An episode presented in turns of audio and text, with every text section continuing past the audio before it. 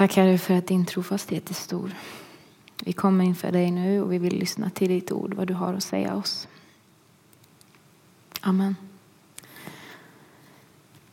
Följ med mig till första Moseboken så läser vi gudstjänstens bibeltext för idag. Jag har plockat ihop några verser för att vi inte ska stå och läsa Bibeln hela dagen. Ehm, så texten kommer på skärmen. Och jag börjar i kapitel 1 men fortsätter sen i kapitel 2. Gud sade, låt oss göra människor till vår avbild, till att vara lika oss. Och Herren Gud formade människan av stoft från jorden och blåste in livsande i hennes näsa. Så blev människan en levande varelse. Och Herren Gud gav mannen denna befallning. Du kan fritt få äta av alla träd i lustgården, men av trädet med kunskap om gott och ont ska du inte äta, ty den dag du äter av det ska du döden dö. Herren Gud sa, det är inte bra för mannen att vara ensam. Jag ska göra en medhjälpare åt honom, en som är hans like. Då lät Herren Gud en tung sömn falla över mannen och när han hade somnat tog han ut ett av hans revben och fyllde dess plats med kött. Och Herren Gud formade en kvinna av revbenet som han tog av mannen och förde henne fram till honom. Mannen sa, den är nu ben av mina ben och kött av mitt kött. Hon ska heta kvinna, ty av man har hon tagits. Och mannen och hans hustru var båda nakna utan att blygas för varandra. Jag stod en dag i köket tillsammans med en före detta konfirmand till mig. Vi tog hand om disken efter att vi hade ätit och Eh, den här före detta konfirmanden har blivit en ung vuxen som har tagit studenten och skulle ut och resa både länge och långt bort. Och vi passade på att umgås en sista gång innan hon skulle åka och ta ikapp lite på livet och höra hur vi har det. Och vi reflekterade lite över livet som ung vuxen. Och hon utbrister till sin besvikelse att hon har upptäckt att vuxna växer ju inte upp. Och jag var faktiskt beredd att hålla med henne. Det är en av de reflektioner och insikter jag också har gjort när jag har varit ung vuxen. Att vuxna brottas ju med samma problem som tonåringar gör ensamheten, erfarenheten av den, rädslan för den. Jag tror att vi alla har ett mer eller mindre kanske ansträngt Eh, förhållande till ensamheten och till relationer. Vi står liksom inte ut med relationer ibland, men vi kan heller inte leva utan dem. Vi längtar efter tillhörighet och enligt Henrik Fexeus som är mentalist och författare så längtar vi så mycket att vi till och med är redo att ljuga för en främlings skull. Om det gör att vi inte hamnar utanför gemenskapen och tillhörigheten. Och egentligen så finns det ingenting nytt under solen, säger predikaren. Människor har alltid brottats med ensamheten. Och många gånger har jag överraskats av vem som brottas med ensamheten. Vi kan luras att tro att vissa personer har det så gott ställt med gemenskap. Kanske framförallt ledare eller de vi tänker att men de där verkar lite extra populära. Men så har jag både av egen erfarenhet men också i samtal med andra upptäckt hur många vi är som faktiskt brottas med ensamhet. Kanske inte alltid, men ibland. Och det kanske kan bero på okunskap, att vi inte vet om varandras eh, brottning eller liv. Eller fördomar. Kanske har det att göra med att Det finns olika typer av ensamhet. Enligt 1177 så kan man dela upp det i tre, existentiell, eh, social och emotionell ensamhet. Man kan vara ensam på lite olika sätt. Man kan ha en partner och ändå känna sig ensam. Man kan vara mitt i en grupp av många människor och ändå känna sig ensam. På olika sätt går det att känna sig ensam. Och det här med att vi är så många som känner oss ensamma är både en tröst och en oro för mig. En oro på det sättet att ja, men, ensamhet kan vara hälsofarligt för oss, både psykiskt och fysiskt faktiskt, enligt forskningen. Men också en tröst för att det gör oss lite mer lika på ett sätt. Vi är inte ensamma om att vara ensamma och det finns en liten gemenskap i det också. En förståelse och en kanske ödmjukhet i det med. Vi läste i bibeltexten att Adam var ensam. Och man kan ju undra, var han verkligen ensam? Enligt Första Moseboken kapitel 2 så, och 1 så gav Gud liv åt Adam. Och grundordet för Gud i den här texten är Elohim, som faktiskt är ett ord i plural. Gud var inte en, utan det var, treenigheten var verksam redan då. Fadern, Sonen och den helige Ande. Och de var i gemenskap innan ens människan fanns till. Jag tror att Gud kanske inte behövde oss som att han skulle gå under om vi inte fanns. Jag tror att han redan hade en perfekt och kärleksfull gemenskap i sig själv. Men det överflödade så mycket att han inspirerades och ville dela med sig till den människa som han sen valde att skapa, Adam. Och Adam skapades i en miljö av kärlek och gemenskap och omtanke. Vi kan läsa i kapitel 3 hur Gud vandrar med Adam i Edens lustgård. Han försörjde Adam med allt han behövde. Det fanns de finaste frukterna, det fanns djur, det var vackert. Och det var trygghet, det fanns evig kärlek. Och Adam han var dessutom lik sin skapare. Som ett barn är beroende av sin förälder var Adam också beroende av sin skapare. Och ändå såg Gud att han var ensam. Jag har en bok där hemma som jag glömde ta med mig hit. Jag hade tänkt visa den annars. Men den heter Evas dotter. Och den ersätter på något sätt inte Bibelns berättelse om skapelsen. Men den ställer lite svåra frågor och tar upp svåra frågor i en skönlitterär form. Hur kunde Adam känna sig ensam?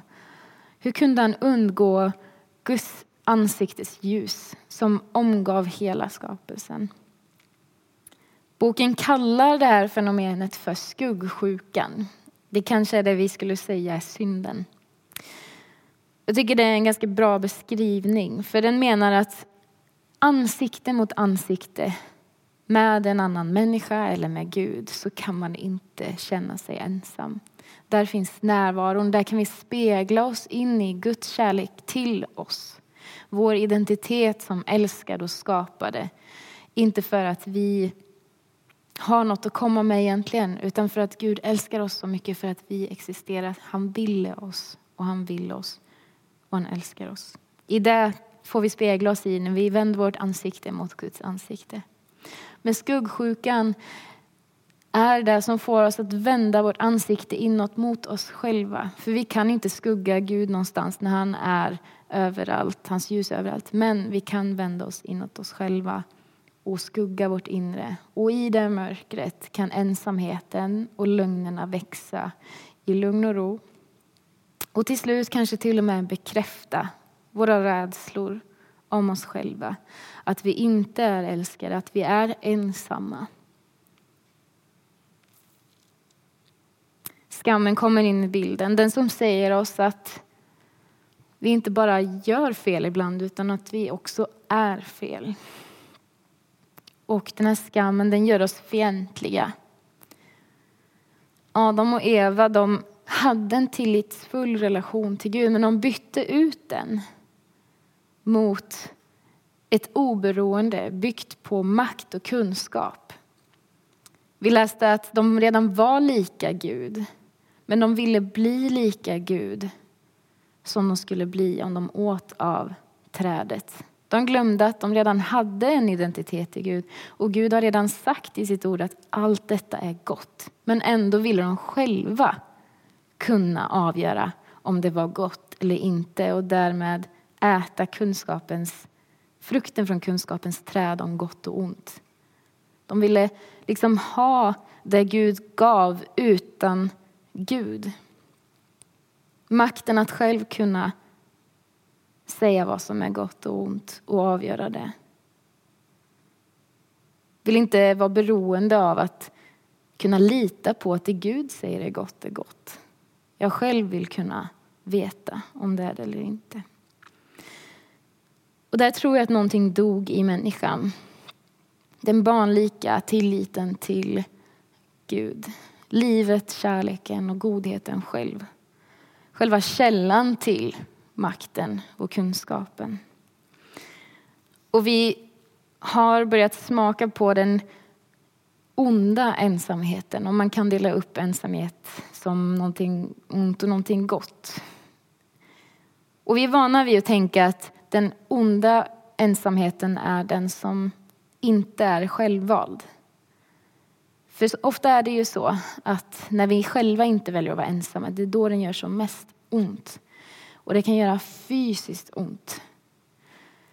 Det kan bli tydligast när vi firar olika högtider som är centrerade kring gemenskap. När vi själva inte har den där gemenskapen som högtiden så ofta bygger kring. Olika typer av utanförskap. Och det är så viktigt att vi tänker på dem som lider störst risk att bli ensamma. Ehm, det kan vara singlar, det kan vara nyblivna änkor och änkemän. Människor med annan bakgrund än den vi är vana vid, den som är normen i vårt samhälle. Det kan vara vem som helst.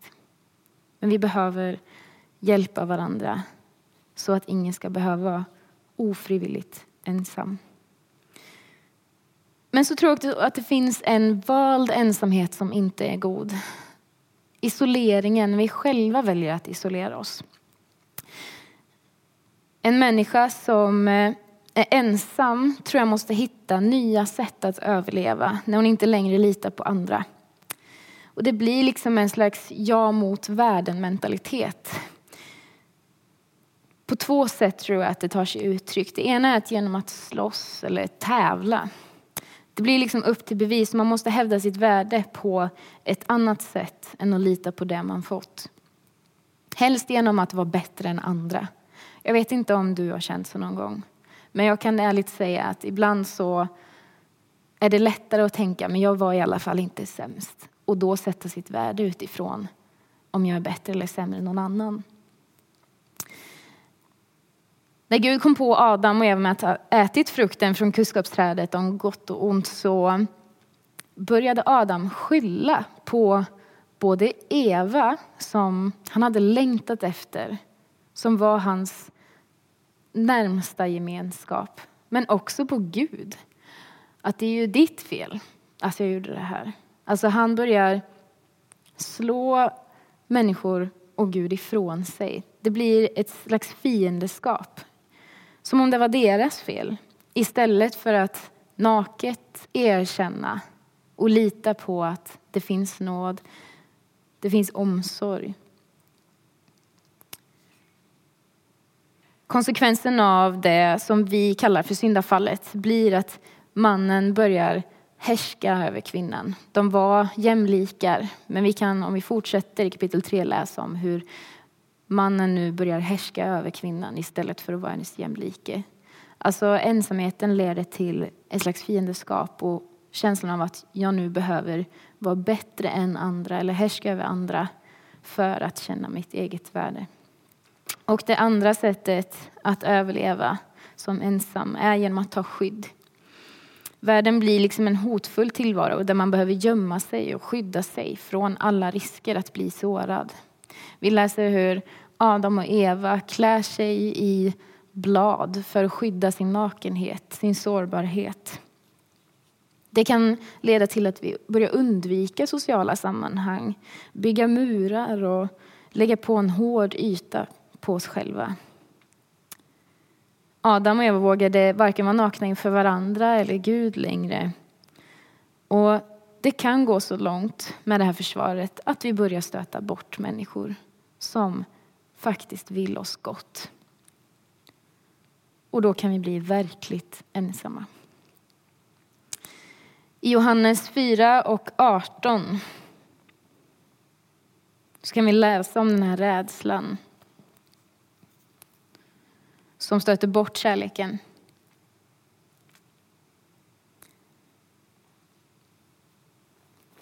Första Johannes 4 och 18.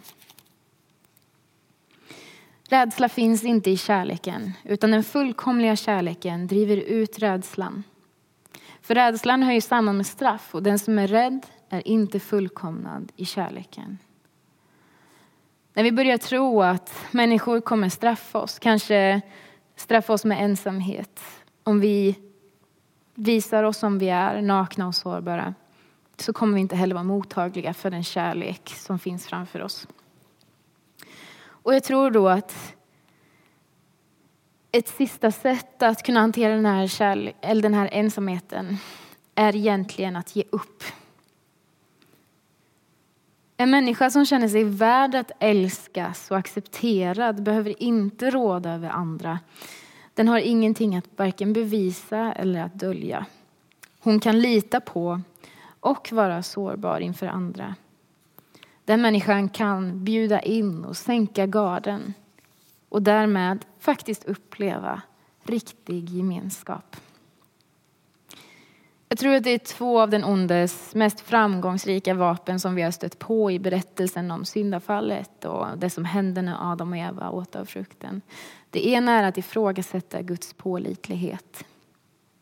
Att han älskar oss, att han har omsorg om oss och att hans ord är sant. Och det andra är att få oss att tro att vi är ensamma när vi faktiskt inte är det. Varför då? Varför är det viktigt för den onde?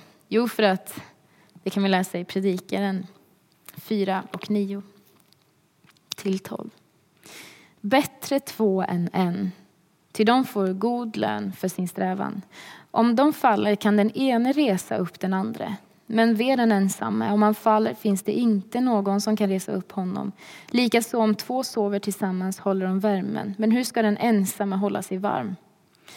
Där den ensamme blir övervunnen kan två stå emot. Och en tredubbelt tvinnad tråd brister inte så lätt. Den onde vet att vi blir starkare tillsammans, inte ensamma. Och därför är det ganska relevant för honom att få oss att tro att vi är ensamma även när vi inte är det. Och psykologin är överens med Bibeln om detta. Vi är starkast tillsammans. Inte bara fysiskt starka utan också emotionellt. Vi orkar mer, vi lever längre när vi är tillsammans. Och man kan undra, Caroline, säger du att det är dåligt att känna sig ensam? Och jag är medveten om att det kan leda till också en skamkänsla över att ja, men jag är ju ensam nu, är, vad är det fel på mig? Men nej, du behöver inte vara rädd om du känner dig ensam. För känslan berättar inte alltid sanningen om dig. Det är inte säkert du är ensam även om du känner dig ensam. Och känslan är inte heller farlig. Inte den omedelbara känslan. Det beror på vad vi gör av den sen. Ensamhet behöver inte vara ont eller farligt heller. Vi ska strax gå in på hur ensamhet kan vara gott. Och jag önskar att du inte ska behöva känna skam om du känner dig ensam. För du är värd att älskas för att du existerar. Gud ville dig, mig och din granne. Så hur kan det vara gott att vara ensam också? Återigen finns det här en frivillig och en ofrivillig ensamhet som kan vara god. Den frivilliga är den som vi kanske känner bäst till. Att vi tar oss lite vila, lite egen tid. Vi mår gott av att få återhämta oss mellan träffarna med andra människor. Men så finns en ofrivillig ensamhet som också leder till gott. Den som infinner sig när en stor förändring kanske sker i ditt liv.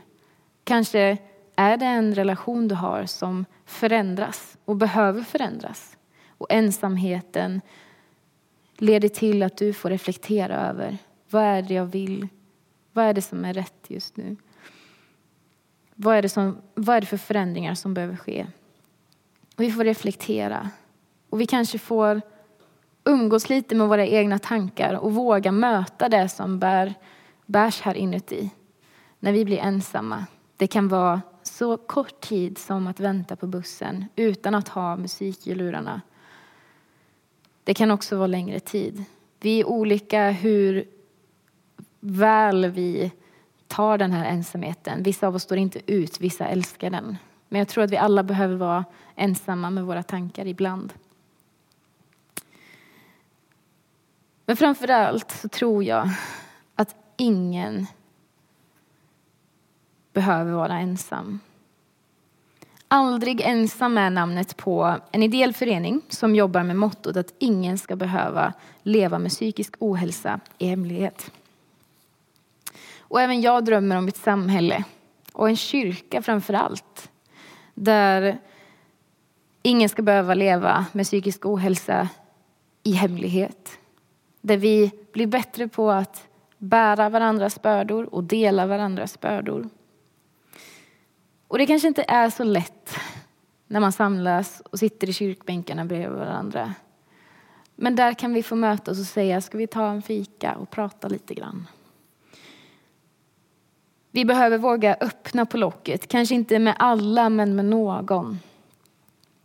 Våga visa oss sårbara. Och det är fint att den här föreningen finns och de gör så mycket gott tror jag. Aldrig ensam. Men jag tror att det finns någonting större, en bättre garanti på att aldrig behöva vara ensam än den här föreningen. Och det är Jesus Kristus själv. Jesus blev den optimala själavårdaren och vännen som känner med oss och för oss. Han vet vad det är att känna ensamhet och smärta. Och vad jag vet så är han den enda Gud inom den enda religionen som gör sig själv sårbar för en människas skull. Han vet hur det är att bli utnyttjad, sårad, lämnad, sviken och ensam mitt i ångesten. Först av hans, ja, de som inte känner honom, men sen också av hans närmsta lärjungar och vänner. Och till sist så kan vi också läsa när han hänger på korset om att han citerar den David som har skrivit många psalmer i Salteren som levde mycket av sin tid ensam. Och Jesus citerar honom och säger Min Gud, min Gud, varför har du övergivit mig? Jesus vet hur det känns att vara ensam och lämnad utanför, både av människor men också känslan av att Gud inte finns där. Och det är en tröst att känna gemenskap med Jesus i den ensamheten. Men jag tror att det också finns en gemenskap som inte bara grundar sig på en gemensam ensamhet utan också, eller istället, en gemenskap som grundar sig i Gud själv. Elohim, som är gemenskap, som är kärlek i sig själv. Och även om det är så vanligt att vara ensam så måste vi inte fastna i det. Vi behöver inte skryta med att vara ensamma eller fastna i den identiteten för att vi är så vana vid att känna ensamhet. Det måste också få vara okej okay att börja känna sig älskad, trygg och i gemenskap. Det är möjligt tror jag. Det finns hopp för det. Kristen tro är så radikalt mycket mer än bara en snuttefilt. Och så mycket mer än bara moraliska levnadssätt att se upp till. Kristen tro det är tilliten till en Gud som är grunden för vår existens. Kristen tro är svaret på vår ensamhet. Det är garanten för att aldrig behöva vara ensam. Om vi vill. Om vi är villiga att göra oss beroende så finns Gud där med öppen famn. Han tvingar oss inte. Han har sån respekt för oss att han låter oss gå om vi vill. Det finns många anledningar till kanske att känna sig ensam, men det finns en ännu större anledning och möjlighet att få gemenskap genom Jesus Kristus. Det här livet det handlar om relationer och gemenskap. Och Gud han kallar oss först till sig själv. Kom. Men sen så sänder han oss också ut i gemenskap med andra. Gå. Precis som i missionsbefallningen som vi kan läsa i Matteus, det sista kapitlet i Matteus. Att vi ska gå ut. Och när vi gör det så säger han, och se, jag är med er alla dagar in till tidens slut.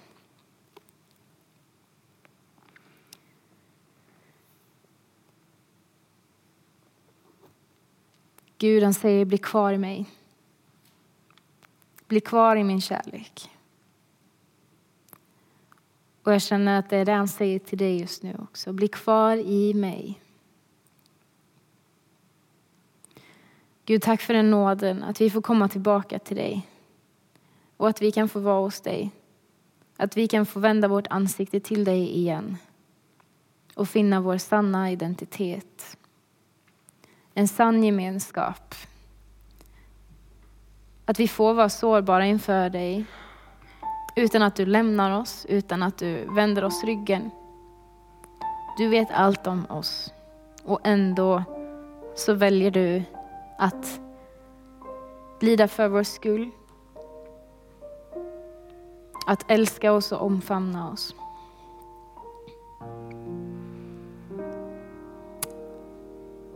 Och jag ber för den som behöver släppa svärdet, som behöver släppa skölden. Att du kommer med din närvaro, med din gemenskap och din helande existens. Jag ber för den som känner sig ensam, att du hjälper den att våga ta kontakt. Att våga ta emot kärleken. Våga ta emot sårbarheten och våga släppa in både dig och andra igen. Hjälp oss bli en gemenskap som hjälper varandra att inte hamna i ensamhet. Och tack Jesus för att du vet hur det är. Och att du ändå väljer att komma oss nära. Att du ändå väljer att göra dig sårbar för en relation med oss. Amen.